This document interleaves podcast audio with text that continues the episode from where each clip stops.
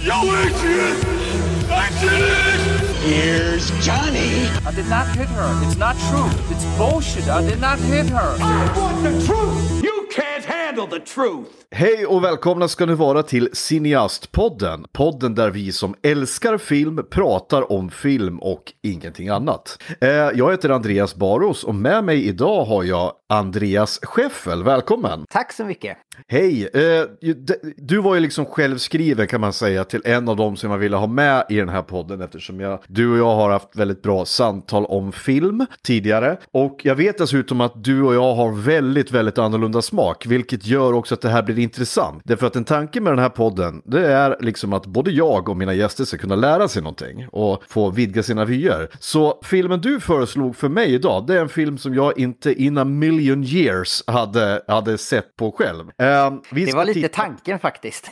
ja, jag, jag, misstänkte det. Eh, och, och, och, vi kommer komma in på, på det senare i, när vi diskuterar det. Filmen heter Aniara. Eh, och när jag hörde titeln och när jag kollade upp den så tänkte jag, ja, ja, men det är en Hollywoodfilm som har flugit under radarn för mig. Eh, döm av min förvåning när jag började titta på den och insåg att det är en svensk film, detta, som hade ännu mer flugit under radarn. Aniara är från 2018 i regi av en tjej som heter Pella Kågerman. Eh, jag gjorde lite research på henne och visade sig att hon har knappt gjort någonting alls, vare sig före eller efter det. Eh, hon gjorde en, det största jag kunde hitta på hennes eh, liksom bland hennes meriter var en, var en serie eller slash film, dokumentär som heter The Swedish Empire från 2014. Eh, någonting mer än så har jag inte liksom lyckats eh, löka fram. Eh, huvudrollen ser vi Emily Garbers heter hon. Hon är då känd mest från Beck-serien och en serie slash film tror jag, eller serie som heter Tjuvheder och filmen Call, Call Girl eh, som kom för några år sedan. Och sen är det ganska mycket no-names i den här eh, filmen. Det är väl sådana här uh, skådisar som man har sett någonstans men inte kan riktigt sätta namnet på. Mm. Ja men det är det ju. Anneli Martini skulle jag väl ändå säga många minns, kanske framförallt från Sally, tv-serien Sally. Är det hon som spelar den där äldre visa tanten? Ja, bibliotekarien, det, precis. Det är det ja. Okej, okay. eh, och det här är någonting så ovanligt som en svensk sci-fi, eh, vilket gjorde mig att jag måste erkänna att jag blev lite nyfiken. Filmen öppnar med att ett montage av eh, naturkatastrofen. Eh, vi ska förstå att jorden har gått åt helvete fullständigt. Eh, det förtäljer dock inte historien om allt liv på jorden typ är dött. Men det verkar det inte vara för i nästa klipp så ser vi en hiss som går upp till vad jag trodde först var en rymdstation. Men det visar sig vara då ett eh, stort rymdskepp som heter då Aniara. Och det är väl som jag förstår någon, ungefär som en stor jävla Finlandsfärja fast i rymden. Exakt. Gigantisk. Och vi möter våran huvudperson där Eh, som hade också ett konstigt namn.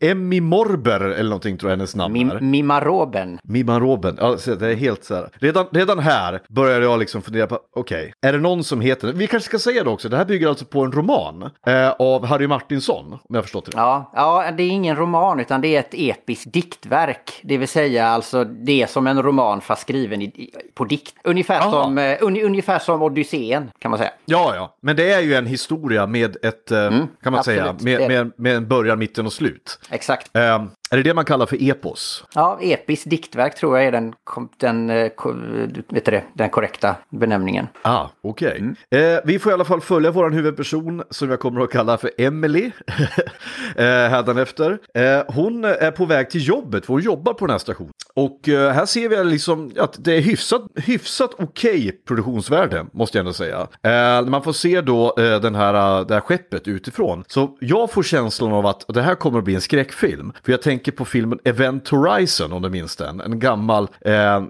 också så här under radarn skräckfilm med Sam Neill och eh, Lawrence Fishburne i huvudrollen. Den har jag inte sett faktiskt. Det var nytt för mig. Den ska nog för övrigt eh, komma upp som egen eh, film i den här podden. Eh, den är ju väldigt så här eh, Lovecraft-inspirerad skräckfilm fast i rymden. Mm -hmm. okay. och vad jag förstod sen så går Emily till sin, till sin arbetsplats som är inne i ett rum med vad jag tror, om jag förstår rätt nu, är någon slags AI eller ett levande väsen. Jag har inte fattat det riktigt. Nej. Som heter då Mima, heter den Mima, där? jajamän. Mima, precis. Och eh, Mimas uppgift på det här skeppet är att projicera minnen av jorden till folk. Exakt. Som någon slags, eh, någon slags, ska man säga, artificiell psykofarmaka, mest för att lugna ner folk. Ja. Det är liksom precis. att man går in i någon slags drömscenario. Och hon, eh, Emelies roll är att gå omkring och ja, mer eller mindre herda folk där inne. Mm. Eh, och eh, då visade det sig att det här, det här skeppet Aniara, det ska iväg till Mars. Eh, som har då blivit den nya, vad jag förstår, kolonin som ska eh, ersätta jorden. Ja. För jorden är, är, är paj.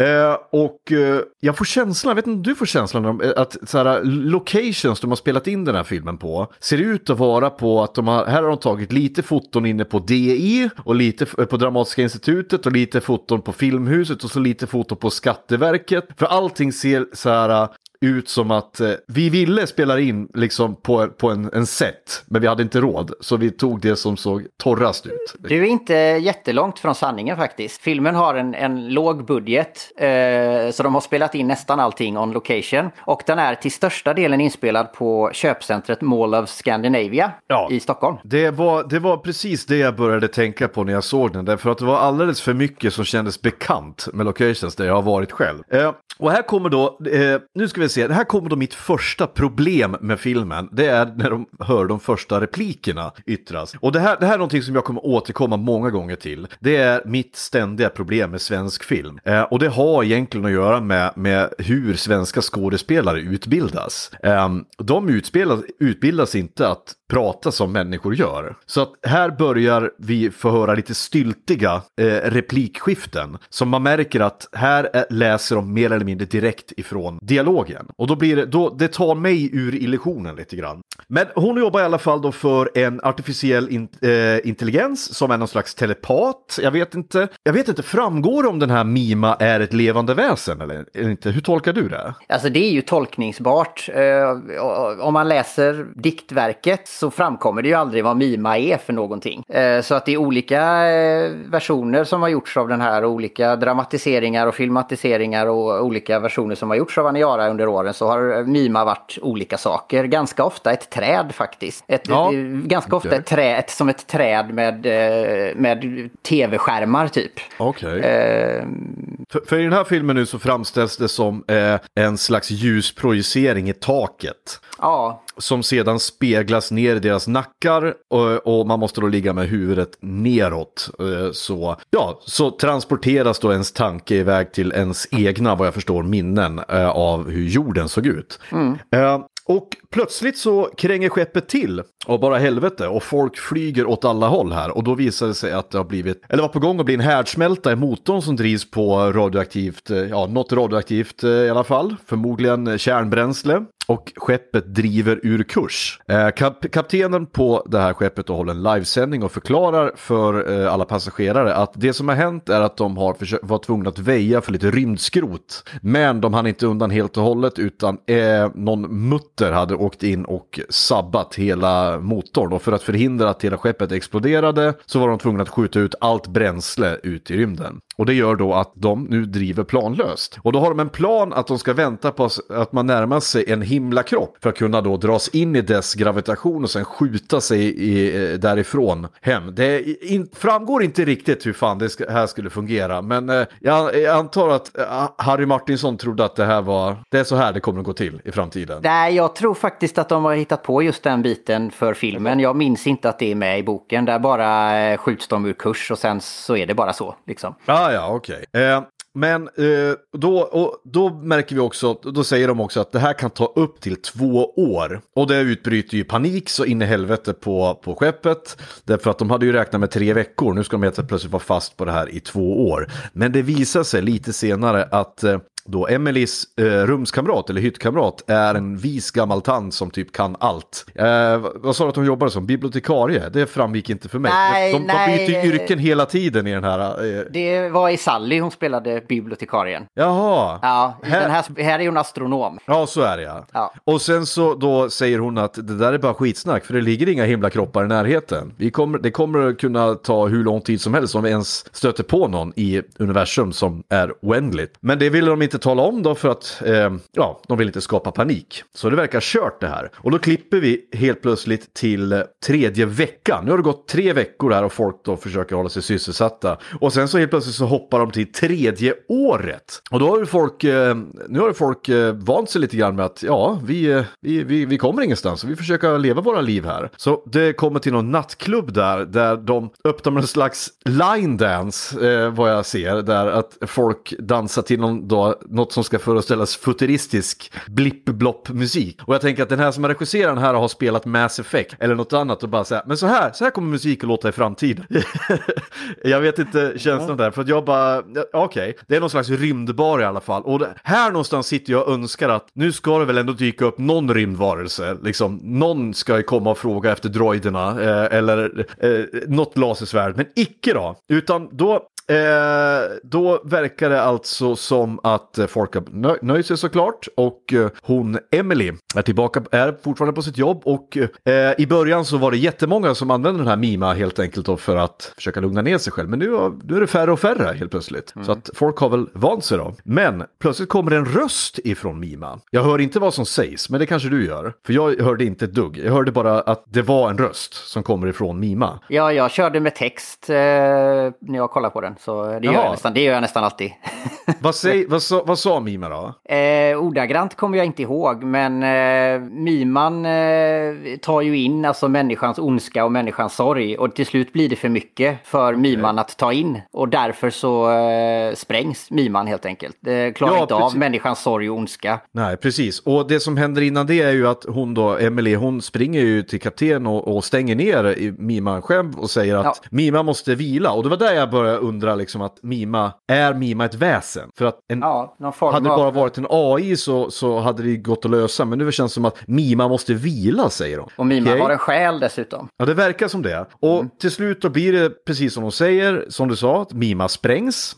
Och då får Emily då få skulden för detta. Att hon har saboterat Mima och sådär. Och då blir hon efterlyst. Eh, med, då blir hon efterlyst på något sätt eh, där. Tillsammans med en pilot som han har träffat, en pilottjej. Eh, och sen blir de slagna av bara helvete och kastade i briggan. Och sen, klipp till fjärde året helt plötsligt. Då har de suttit i, i, i finkan i ett år. Nu är vi inne på fjärde året och folk har blivit riktigt knäppa på riktigt här nu och börjar liksom mässa, eh, mässa rakt upp i luften och börjar liksom tillbe då den sprängda, eh, döda Mima. Eh, som någon slags gudom, verkar det som. Eh, och eh, många har begått självmord. Eh, hon, Emily och den här piloten då, de släpps ut i finkan för att de har personalbrist och då ska de bli tilldelade jobb. Eh, och då hon, Emily, hon blir lärare och piloten, de släpps ut till alger, det vill säga hon ska jobba med alger igen. Och uppenbarligen så, ja, som sagt, eh, det är alger de lever på. Det är alger de bränner sprit på, det är alger de andas, det är alger de äter och dricker. Eh, och nu blir de kära dessutom, Emily och den här piloten. Eh, det, det kom liksom också från ingenstans riktigt, men eh, ja, det blir de i alla fall. Eh, och nu, de, eh, de är ute och, och simmar och tränar och verkar må ganska bra så här. Och sen i bastun så träffar de på något psykfall där som börjar snacka om att eh, hej du, du, du eh, ska bli ljusbärare för, för Mima. Va? Säger de. Jo, men det är så här, jaha, ska ni offra mig? Eller? Nej, nej, nej, du ska, du ska bara vara med på ritual liksom. Och det här, här, här hade man ju liksom, om man hade det minsta vett i huvudet så hade man ju bara sagt nej tack. Nej, men i nästa klipp, ja då är de på de här, den här äh, sekten som sitter inne i det gamla sprängda Mima-rummet. Och nu, nu, nu tappar filmen mig fullständigt. För nu, här börjar jag stöna liksom högt och liksom på riktigt. Okej, hur lång tid är det kvar av filmjäveln? För att nu, nu blir det någon slags orgie här, någon slags gangbang eh, inne bland alla de här äh, då eh, kultisterna som tillber vraket av, av Mima. Mm. Eh, och sen helt plötsligt så klipps det till sjätte året. Då har det gått sex år. Och då är den här piloten då, hon har blivit på smällen nu. Förmodligen i det här gangbangen. Eh, det framgår inte riktigt, men jag misstänker det kan inte vara på något annat sätt. Eh, och nu har folk verkar tappat det totalt. For, och och nu liksom är Mima verkar vara en vedertagen religion här på, på det här skeppet. Folk sitter liksom och stirrar ut genom, ut i rymden och, och, och så mässar de en massa saker som låter som, som, jag vet inte, någon slags diktsamling. Eh, piloten föder det här barnet då, men man märker att hon, piloten, hon verkar inte må så bra. Det är, det är någon slags, eh, vad ska man säga, födslopsykos, säger man så? För, födelse, förlossningsdepression. Ja, precis. Men nu händer det liksom en liten game changer i, i filmen och det är att de upptäcker någon slags nödsond som ligger 14 månader bort. Och de tänker att ja men där finns det bränsle så att eh, som vi kan fånga in den där eh, nödsonden så kan vi tanka skeppet igen och köra hemåt. Och då börjar man liksom, då går man ut med det, man ger folk hopp och man då eh, övar, de skickar ut de, här, de mest brighta ungdomarna för att då lära sig att sk skjuta ut eh, krokar ut i rymden och fånga den här sonden då. Och det går inget vidare för dem. Så, men till slut så kommer den stora dagen där de är inom, eh, inom rätt avstånd för att fånga sonden. De gör det, får in den, men de inser de att det där innehåller ju inte alls något bränsle. Det innehåller faktiskt, ja, det får vi inte veta vad det innehåller för någonting. Mm. Men det är i alla fall inte rymdbränsle. Nej. Och här, återigen, satt jag och hoppades på att okej, okay, är det aliens de har fångat här? Är det någonting som kommer att ändra på det som händer på skeppet? Men det gör det inte, utan det här, this goes nowhere. Det enda som, som framgår är att det absolut inte är rymdbränsle, men de, de försöker fortfarande inte, de vill inte gå ut med det till, till allmänheten. Mm. Eh, och med den här gamla visa tanten då, bibliotekarien från Sally, hon eh, har, blivit helt jaded, hon bara tröttnar på allting. Jag orkar inte ljuga för, för din skull, säger hon till kaptenen. Och kaptenen eh, skjuter henne, mm. rakt upp och ner. Så att, okej, okay. sanningen ska inte ut helt enkelt. Så att här börjar jag väl se, ah, okej, okay, här har vi lite samhällskritik. Eh, det här att eh, ljug, för, ljug för folk för att hålla dem lugna. Mm. Det, det, kan jag uppskatta ändå, lite grann. Men nu börjar folk få psykoser här, eh, totalt i det gamla mimarummet och skriker och, och, jag har skrivit så här i mina anteckningar. Folk får psykoser i det gamla mimarummet, skriker och säger random teaterrepliker, för det är precis det de gör. De, de mer eller mindre vad ska man säga, eh, mässar någonting som låter som diktrader. Och här antar jag att de läser direkt ifrån från eh, eposet. Mycket riktigt. Eh, ja, men skeppet glider in i någon slags rosa kosmisk storm sen här. Och återigen, här tänkte jag, yes, blir det Fantastic Four nu? Men det är det inte, utan det är bara en magnetisk storm ute i, i, i rymden som stänger av allting. Det dör lite människor som flyger åt, allt, eh, åt alla håll. Men det här leder inte heller till någonting, utan det, det dör några människor och sen så är business as usual, de rullar på bara. Emily, hon springer in till hytten där bebisen och hennes eh, pilotsambo eh, är, men hon verkar ha fått en psykos och senare så har visat sig att den här piloten då har hängt sig och dränkt deras gemensamma barn. Och sen så går det fort, för då klipper vi till tionde året. Mm. Emily, hon får en medalj för väl utfört arbete. Och sen klipper vi till 24 året och då läser någon en dikt. Och sen klipper vi till 5000 år in i framtiden och då har alla blivit aska och skeppet kraschar på vad jag antar är jorden. Är det det? Nej, det är, jag tolkar det som att det är en eh, beboelig planet i ett annat solsystem. För de flyger ju in i Lyrans eh, solsystem eh, innan. Jaha. Så de flyger jag tolkar det som, i... som jorden, för det såg precis ut som jorden. Ja, eh, men det är, jag, jag förstår det som att det är en beboelig planet någon helt annanstans. Liksom. Ja, okej. Okay. Ja, och nu har vi tagit, tagit oss igenom den här filmen och eh, det var någonstans här mittemellan som jag undrade varför ville du mig så jävla illa? När, för att, eh, jag, jag, eh, jag, jag förstod inte alls. Alltså jag förstod någonstans att de ville, de ville ifrågasätta våran konsumerism, de ville eh, ifrågasätta hur regeringar gör för att tysta befolkningarna och, och det här med bröd och skådespel och sånt för att vi ska vara lugna. Men, och det hade kunnat vara, vara en, eh, en intressant film om det inte hade varit så att de föll så jävla mycket på eget grepp ibland tycker jag med eh, vad ska man säga, med, med, nästan lite så här sliskigt så här effektsökeri ibland. Mm. Vad, är, vad, är, vad är dina tankar? Nu vill jag höra dig försvara detta. Mm. Eh, Aniara är ju, alltså originalet, boken om man säger, är ju ett verk som ligger mig väldigt varmt om hjärtat. Eh, jag läste den första gången när jag var barn faktiskt. Eh, för att eh, när jag var 11 år så skulle de inviga Göteborgsoperan i Göteborg. Och den första uppsättningen de skulle ha där var operaversionen av Aniara som kom eh, slutet på 50-talet tror jag. Diktverket kom 1953 i alla fall. Och eh, jag ville jätte, jag var ju helt nyfrälst på teater och opera när jag var liksom 11 år. Så jag ville, jag ville, det var häftigt, den var det första de skulle visa och det ville jag se liksom.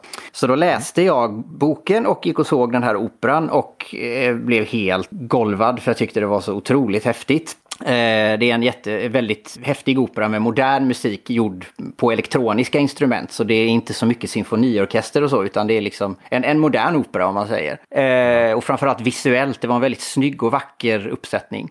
Eh, och sen genom åren efter det så har det ju, det, alltså Aniara har ju gjorts i väldigt många olika versioner. Den, den, har, den finns som tecknad serie, den har gjorts som eh, radioteater, olika pjäsversioner, den finns en musikalversion. Och jag har... I andra länder också eller? Nej, det är nog mest Sverige. Det ska jag låta vara lite osagt, men det är nog mest Sverige faktiskt. Okay. Eh, och det mesta, jag, jag har gått och sett och läst det mesta genom åren och tyckt att det har varit dåligt liksom. Det har inte nått upp till bokens höjder. Eh, mm. För jag, jag är en person som inte, poesi är inte min konstform liksom. Det, det är så här, okay. jag, vill, jag vill ha en, en, epi, eller en, en, en berättad historia när jag läser. Men ja. den fungerar faktiskt just för att den är det. Och det är otroligt, den är skriven på ett otroligt vackert språk.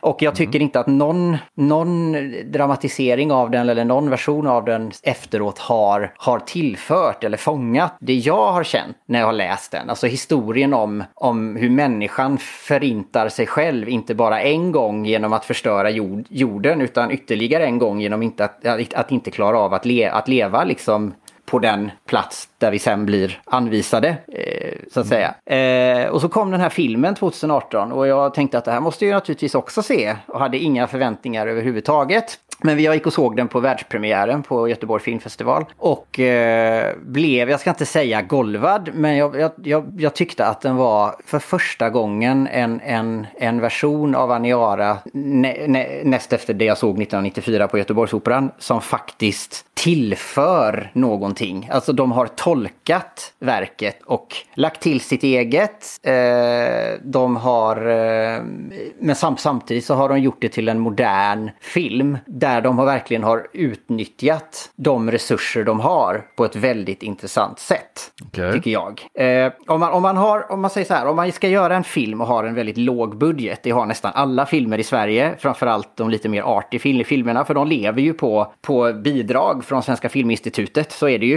Eh, de, de bär ju inte sig själv ekonomiskt, så att man måste ju spara på alla pengar. Och ska man göra eh, en lågbudgetfilm så finns det tre vägar att gå. Antingen ja så ignorerar man det faktum att man gör en låg, lågbudgetfilm. Man, loss, man, man, man gör det bästa av allting man har och så eh, får det bli så pajigt det blir och så låtsas man att det är jätte, jättebra. Lex eh, standard amerikansk actionfilm liksom. Där ignorerar de att ja, de har ingen budget utan de bara kör på fast effekterna och ja. eh, stuntsen är skitfula liksom. Eller ja. så, eh, så tar man in, vi har inga pengar och vi vet om det och vi gör en tacky film Eh, och vi, eh, vi, vi, eh, vi gör en grej av det. Vi driver med oss själva. Det kan man också göra.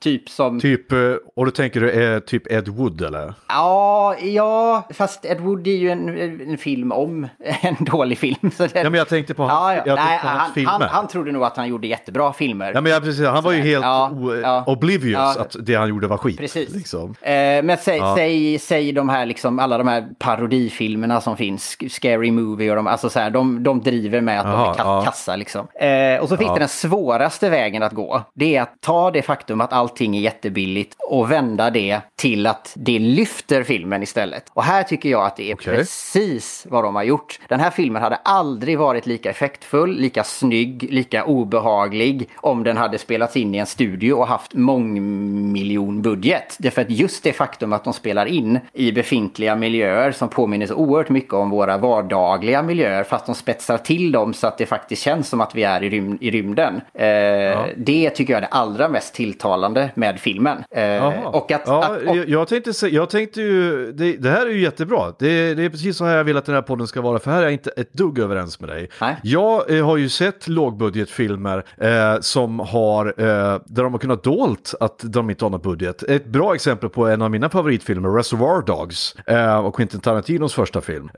som i princip hade inte någon budget alls, men det räddar dem med ett bra manus och bra skådespeleri. Ehm, och ska man göra en rymdfilm på det, med, där man ska skapa den här klaustrofobisk känsla, då är ju Ridley Scotts Alien, liksom, tycker jag, the go-to. Det, det, det är där man ska lära sig hur man gör. Eller ännu bättre, 2001, Stanley Kubricks. Men den var Jag ganska, vet- den var jag- ganska jag- dyr att göra.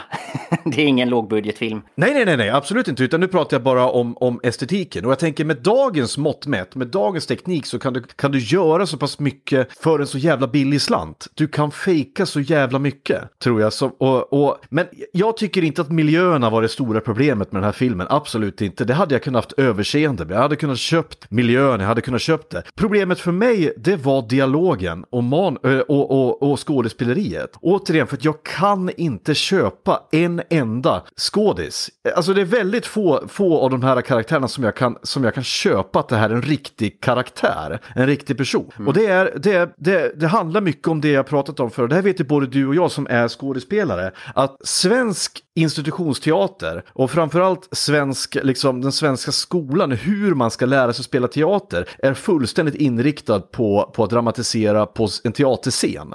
Det är väldigt få i, eh, i Sverige som får lära sig hur du låter som en riktig människa. Hur, du, hur du levererar en replik som låter trovärdig som, som, eh, och, och skulle kunna fungera på film. För på film är det inte de stora gesterna som gäller, tvärtom. Där så ska du göra så små gester som möjligt. Och du kan inte säga, du kan inte säga en replik rakt av som står i manuset, liksom om du inte lägger till en mänsklig ådra på den. Förstår du vad jag menar? Eh, du kände inte alls det, eller hur? Jag tycker hur? att för att vara en svensk film så är skådespelet oerhört low-key i den här fi- fil- filmen. Eh, förvånansvärt low-key. Och sen är det, det är ju inte en film heller som, som ska vara eh, verklig. Eller alltså det är ju en, det är ju en film fylld med symbolik. Alltså som en Bergman-film. En Bergman-film ska ju inte vara verklig. Alltså så här, Sjunde inseglet ska ju inte vara verklig liksom. Det handlar ju om, det Fast, handlar ju om en men- förhöjd men- ja. verklighet på något sätt. Absolut, men eh, eh, då kommer jag till det som jag faktiskt vill berömma i skådespelet i den här filmen. Och det är alla gånger de, de uttrycker känslor utan att säga en replik. Det vill säga alla hysteriska skrik, all gråt och grejer. Det kunde jag köpa. För där, det är det jag menar, att det, det finns en bra, jag tycker det finns en bra film någonstans här under, allt det här. Men det är, för mig funkar inte för att det är, det, det är begravt i så mycket, liksom, i så mycket, i så mycket dikt. Det är det som är problemet. Det, det är begravt i teater när det finns en film här under någonstans. Ehm, och den här scenen till exempel när, hon- när eh, hon Emily kommer in och upptäcker sitt barn blivit dränkt. Det är fan med äkta känslor. Där kände jag någonting för första gången i filmen. Eh, jag kände också ehm, de här små subtila sakerna som när, när, när folk liksom inte riktigt visste hur de skulle hantera att, eh, att oj, vi ska faktiskt vara här i två år istället. När det är ganska, ganska omedelbara känsloyttringar. Det kunde jag köpa. Men så fort de öppnar munnen och, och, och ska liksom föra historien framåt med dialog, då faller det för mig. Därför att då, då märker man att nu läser ni bara rätt ut ur, ur, ur, ur manuset. Och jag, jag tror inte på dem riktigt. Och sen när de lägger till då, liksom det, ska man säga, svensk, eh, svensk eh, teater, eh, det, syndromet. Det vill säga att, ja, vi ska slänga in en orgie här också från ingenstans. Jaha, varför då? Var, liksom, eh, och varför ska det, så jävla mycket nakna människor överallt? Jag tänkte bara, fan, kollar jag på en gammal, liksom så här, eh, eh gammal dansk eh, skrattporris här ett tag, liksom, för att det var så jävla absurt allting som händer. Och, det, och att det kommer från ingenstans. Som sagt, det, det, liksom, det var en absurd känsla som gjorde att jag inte kunde, kunde köpa den här filmen riktigt. Eh, men alltså, det, jag, jag, jag uppskattar, jag uppskattar att, eh, att jag har fått sett den. Men det är absolut ingen film jag kommer att se igen. För jag, alltså, min känsla i min kropp, det var liksom så här, men vad fan, när tar det slut? Därför att jag, det är så här, men det ska också sägas att eh, det, det är två andra filmer som eh, har blivit hyllade av andra eh, som jag avskyr. Och det är ju Ari Asters film. Jag, jag gillar inte dem. Jag gillar inte Hereditary och jag gillar inte Midsommar. Och det var egentligen samma syndrom. Eh, och det, här- trots att att det var gjort på ett annat språk än svenska, utan det var att det var så jävla tråkigt. Jag blev uttråkad. Eh, men okej, okay, om jag ska försöka hitta guldkornen som jag tycker om med den här filmen, och det är återigen, det är de extrema känsloyttringarna tycker jag om väldigt mycket. Och jag tycker också om att så här, vi är ju inte bortskämda med sci-fi-filmer i Sverige. Eh, och vi är inte bortskämda med, med människor som försöker göra någonting annat än, än diskbänksdraman och, eh, och polisfilmer. Så jag uppskattar försöket och jag uppskattar ändå, för jag kollade upp den här, eh, liksom vad den här filmen fått för recensioner och det är överväldigande goda. Så att eh, jag är ganska ensam i, mitt, i, mitt, i, min, i, i, min, i min avsky till den här filmen. Men, den, vann, den vann ju faktiskt Guldbagge för bästa regi. Eh, Pella Kågerman och Hugo Lilja, det är faktiskt två regissörer på filmen. Ja, det kanske det var. Ja, och de vann ju Guldbagge för bästa regi. Ja, och det, det, det, det ska jag ge dem, absolut. men som sagt, jämfört med konkurrensen, det är alltså, i svensk film, det finns inte jättemånga filmer av den här sorten. Och det ger ju mig å andra sidan hopp att okej, okay, kan det göras eh, mer sci-fi i Sverige så absolut. Men, jag, men jag, jag, jag, jag, tycker att det är lite intressant Andreas, förlåt jag avbryter, men eh, det här du säger att man kan göra det eh, alltså, med billiga, eller man, man, kan göra det se snyggt ut idag. Eh, alltså jag tror inte att avsikten är att göra en film som ser på det klassiskt amerikanska sättet snygg ut. Alltså jag, det, det är en av filmens styrkor är ju att den känns så oerhört oamerikansk. Ja, ja. jag, säger, inte att det måste se, jag säger inte att det måste se amerikansk ut. Nej, men alla, ref, alla referenser du drar är till amerikanska filmer och jag tror inte att de ens har försökt att efterlikna Alien eller 2001 eller någon annan sci-fi film heller för den delen. Jag har trott att de velat gö göra en film som känns som ingen annan film och det har de definitivt lyckats med, tycker jag. Jag, tyck, jag fick en känsla när jag såg på filmen, någonting som jag skulle vilja, det här, eh, den här filmen gjorde ju snarare att jag blev sugen på att se en svensk filmatisering av det svenska bordsrollspelet MUTANT. Om mm. det talas om det. Ja, visst. Ja, för, för det var, det var, det var, jag hade någonstans en förhoppning när jag såg den här att de skulle vara inspirerade av det spelet. Att se ett postapokalyptiskt Sverige. Ja. Det hade varit intressant. Jag hade velat se den här, jag hade velat se den här rymdfarkosten krascha tillbaka på Sverige igen, eller ja. i, på jorden igen. Och att överlevarna försökte överleva i Sverige, i ett eh, totaldemolerat Sverige. Där, den filmen hade jag velat se. Eh, för att, det, ja, jag, jag, för mig tappade väldigt mycket som sagt när, när det började spåra med, med eh, liksom eh, religionerna och, och de här ritual-gangbangserna som skedde där. Jag förstod inte liksom vad det hade med, med filmen att göra. Eh, jag, Tolkar jag, du det som att, det, att de försöker copa med sin existens? Att de inte vet ja, vad de ska göra av det? Jag, jag, jag tycker att det är väldigt starka scener som för mig talar om alltså att när vi lever i den ultimata hopplösheten, vilket de gör, innerst inne så har de begripit att de kommer att, att gå under liksom. Ja. Sen hur lång tid det kommer ta, om det kommer ta flera generationer eller om de kommer gå under imorgon, men de vet att de kommer gå under. Och hur, hur olika människor, eh, hur, hur, hur liksom olika människor hanterar den vetskapen. Och hur vi tyr oss till religion, hur vi tyr oss till sex, hur vi blir liksom nästan primala i vårat, alltså så här, eh, det tycker jag filmen skildrar väldigt starkt. Sen kan jag, sen kan jag hålla med dig om att, om att den, det går väldigt, väldigt fort. Det här är en sån film som jag, som jag tycker om den. Så jag hade tyckt att de hade kunnat lägga på en kvart där man hade, och gjort storyn lite mindre upphackad, om man säger. Och framför allt tycker jag att slutet går alldeles, alldeles för fort. Eh, ja, det, fram, det är det jag menar. Framförallt, framförallt scenen som är 25 år senare, när de har gått in i någon slags och nästan blivit djur. Den, den går över, alltså där, den, den scenen hade kunnat ligga fem, minut, fem, minu, fem minuter för mig, för den är så stark. När, de, när det liksom har blivit en fysisk förändring på dem för att de lever i ett konstant mörker, att deras ögon har dött och de, alltså ja. det, det är en sån otroligt stark bild och den varar i 20 eh, sekunder kanske. Och det, ja, där, jag tänkte, jag tänkte säga jag någonting de... om det, för det var ju bara, ja. en, det var bara en, en bild. Man fick ja. se en trång korridor och så folk som kryper. Och jag tänkte bara, jaha, nu har de någon jävla, nu, nu är det någon ny ritual som de gör. Där. Jag förstod, jag, jag kopplade inte att de hade blivit primala av det. Ja, näst, jag trodde bara att,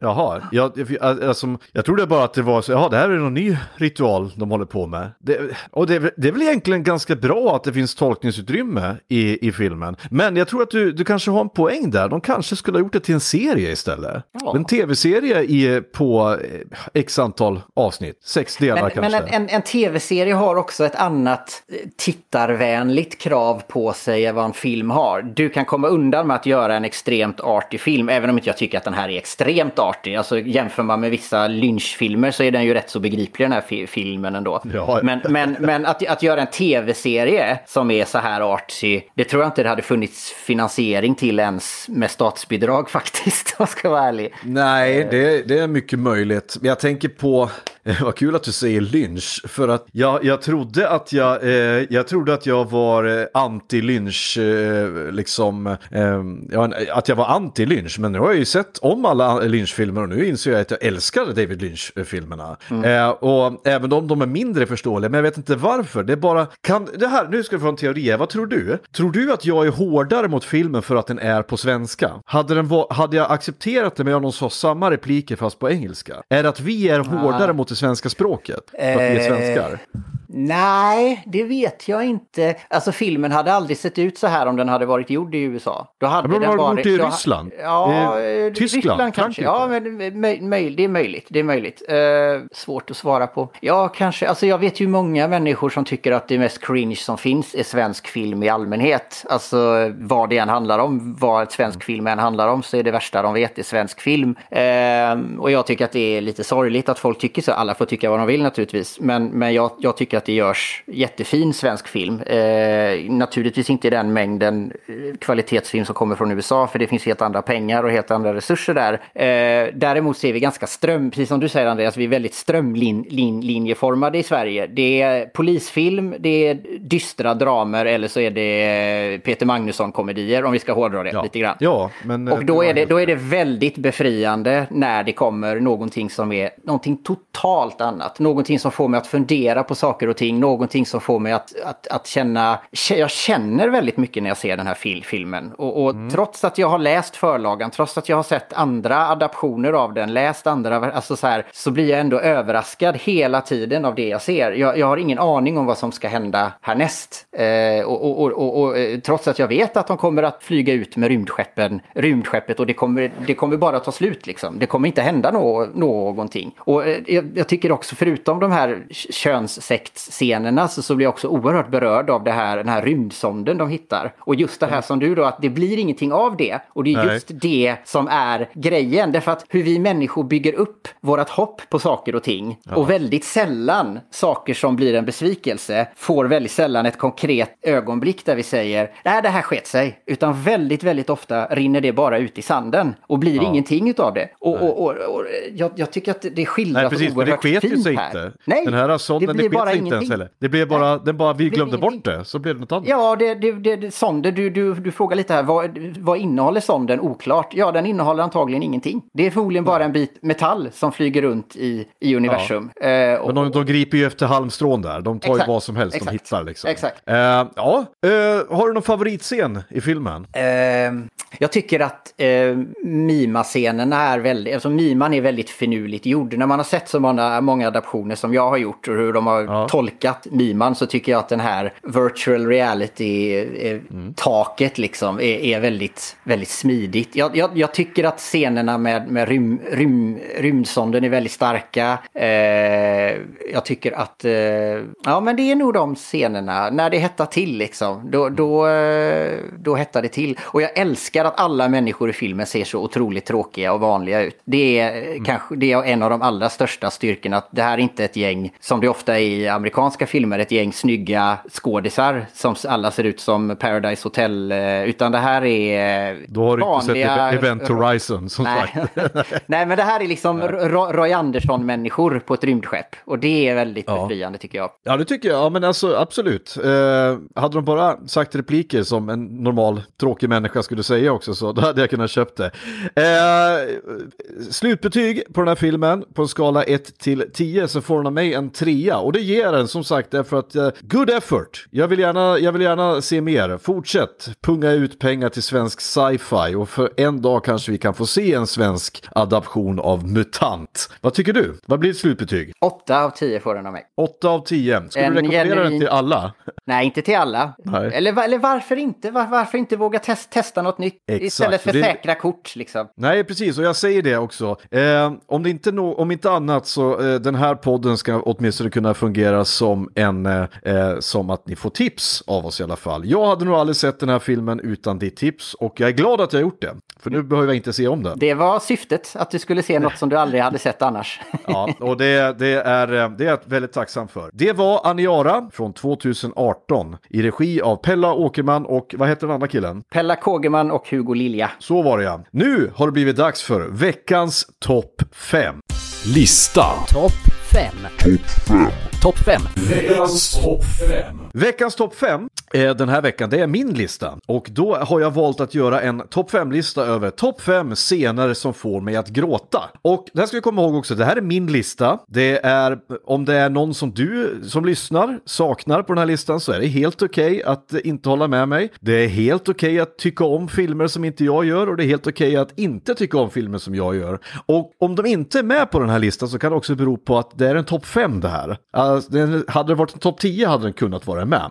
På, på femte plats, då är det filmen Big Fish av Tim Burton. Eh, den handlar ju då om en eh, om eh, en eh, mytoman som ligger för döden. Eh, och han har i princip ljugit i hela sitt liv och han har inte gjort det av ondska utan att han helt enkelt tycker om att berätta historier. Och eh, hela hans liv så har hans då estranged, vad säger man, avskärmade son varit sur på sin farsa på grund av att fan kan du aldrig berätta sanningen liksom? Kan du inte bara säga ett, en mening utan att liksom förstora upp det eller ljuga? Men i slutet av den här filmen så, så har han blivit så tagen av sin pappas livshistoria att han helt enkelt hjälper honom att avsluta historien och liksom fyller i lögnerna åt honom och bär ut honom till havet där han förvandlas till en fisk och, och simmar iväg. Jag vet inte vad det är med den här filmen, men det, slutscenen hade ju inte funkat om jag inte hade fått kontext och sett rätt, resten av filmen. Men den här får mig alltid att få en stor klump i halsen för att jag tycker att, jag säger som Bo Strömstedt, legendarisk eh, chefredaktör på Expressen, han sa kolla aldrig en bra historia. Och det är lite så jag känner med den här också. Historien är för bra för att vilja kolla upp det om det stämmer. Det är skitsamma om någonting stämmer i den. Har du sett den filmen? Nej, tyvärr. Kan stor rekommendation, jag tror du skulle tycka väldigt mycket om den. Framförallt om du gillar Tim Burton. På fjärde plats, Good Will Hunting. En klassisk eh, film eh, som de flesta har sett. Den här antar jag att du har sett i alla fall. Nej, faktiskt inte. Det har du inte heller gjort? Nej. okej. Eh, den handlar ju då om Matt Damon, för övrigt Matt Damons, eh, tror jag, skådespelardebut. Och han och Ben Affleck har ju skri- skrev ju manuset till den här filmen och de, blev, och de vann Oscar för den och allting. Den här historien känner de flesta till. Eh, den handlar då om en, en kille som eh, har levt ett ganska tufft liv och jobbar med olika skitjobb som städare på ett universitet eh, där det visar sig att han är ett geni. Han är otroligt duktig på det mesta, men hans känslomässiga barriärer sätter stopp för honom i livet för att kunna liksom, bli lycklig och göra någonting annat än att supa och slåss. Eh, och då får han då träffa en psykolog som spelas av Robin Williams. Och Robin Williams då i en scen säger “It's not your fault”. Och han upprepar det här flera gånger. It's not your fault, it's not your fault. Och hela tiden säger att det som har hänt dig, all den här skiten, all den misshandeln och alla övergrepp du var med om som barn, det är inte ditt fel. Och här är det också, Matt Damon då, han bryter ihop och börjar gråta och faller i Robert Robin Williams. En mycket skäggbeklädd och stark Robin Williams. Så jag gråter när jag ser den här scenen, inte bara för att det är en så otroligt stark scen, i en människa som har fått gått igenom så otroligt mycket övergrepp genom sina år. Och, och jag kan hitta paralleller till mitt eget liv och svårigheter som jag själv varit med om. Och framförallt så saknar jag Robin Williams så jäkla mycket när jag ser den här. För jag insåg att inte bara var han en av mina favoritkomiker utan han var så otroligt duktig när han väl gjorde en dramatisk roll också. Han hade som bredd den mannen och han gick ett så fruktansvärt tragiskt öde till mötes. Så den, den, den scenen är väldigt stark för mig. På tredje plats, då är det filmen The Land Before Time, eller på, på svenska heter den Landet för länge sedan. En gammal animerad film som tyvärr har fallit lite i glömska idag. Men den handlar lite grann om, eh, den handlar om ett gäng dinosaurier eh, vars föräldrar blir dödade av en jättegigantisk Godzilla-liknande Tyrannosaurus. Och då är det en scen där då våran filmens huvudperson som heter Lillefot, eller Littlefoot på, på, på engelska, som är en liten Brachiosaurus, en, eller som de säger i filmen, en långhals. Och hans mamma räddar honom och dör. Och den här då pyttelilla dinosaurien måste klara klara sig på egen hand i världen. Det är också en sån här, jag bara, än idag, jag såg om den här filmen med min dotter för inte så många eh, veckor sedan. Jag sitter och storbölar när jag ser den för att den är, den är tung, helt enkelt. Jag tänkte ta med Bambi på eh, den här också. Eh, Bambi är en klassiker, men jag tycker den här är strået vassare. Har du sett den här filmen då? När jag var liten, men inte i vuxen ålder, nej. Nej, men du minns den i alla fall. Ja, vagt. Inte så jag kan Ja. säga att jag den scenen och den scenen liksom. Men jag har sett den någon gång när jag var typ 6-7 år eller sånt. Jag hade med som bubblare också filmen Watership Down, eh, som är en film som handlar om ett gäng kaniner som ska fly ifrån eh,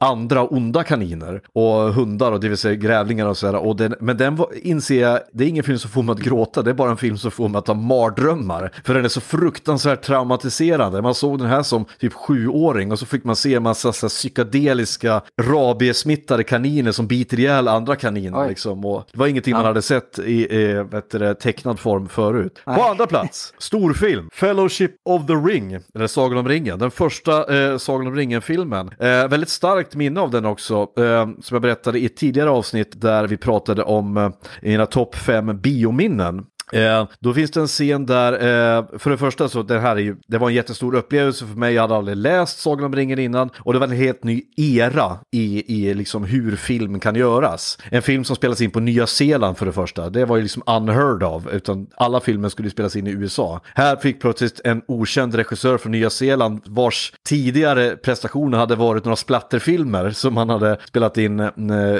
till typ inga pengar alls. Helt plötsligt får ensamrättigheter till Sagan om ringen.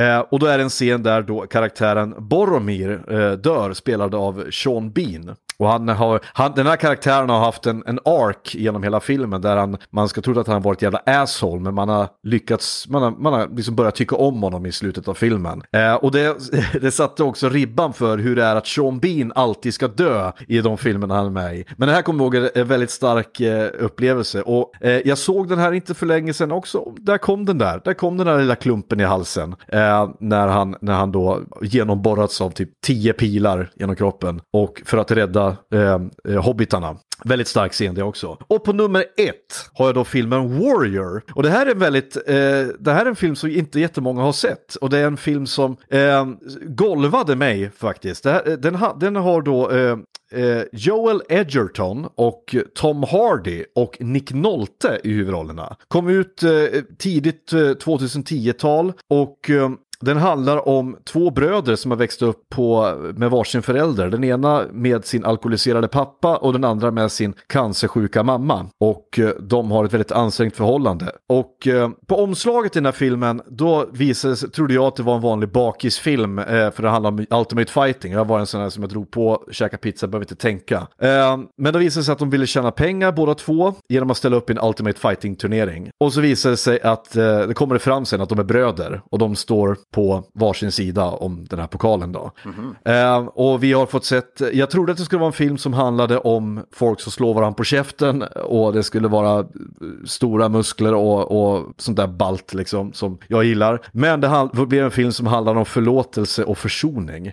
Framförallt med deras, eh, jag kan väl säga Nick Noltes return to form. För att han har ju varit eh, persona non grata ganska länge nu i, i, eh, i Hollywood efter ett par, par eh, vad heter det, rattfyllor och lite annat skit. Men här var han tillbaka och han spelade, spelade då en, en nykter alkoholistpappa som får ett återfall. Och det är fan bland de starkaste scenerna i hela filmen. Men den allra starkaste scenen i den här filmen det är när då Nick, eller Joel Edgerton och Tom Hardy möts i filmen finalen i den här fighten och eh, slåss eh, så in i helvete med varandra. Och men till slut så, så ligger Joel Edgerton har då och hon, eh, Tom Hardy i, en, i ett armlås och säger It's okay, it's okay. Och han tappar ut och sen så gråter de, kramar om varandra och eh, skiter i alla vinstpengar och allting. De är bara glada att de har som bröder hittat varandra igen efter alla år.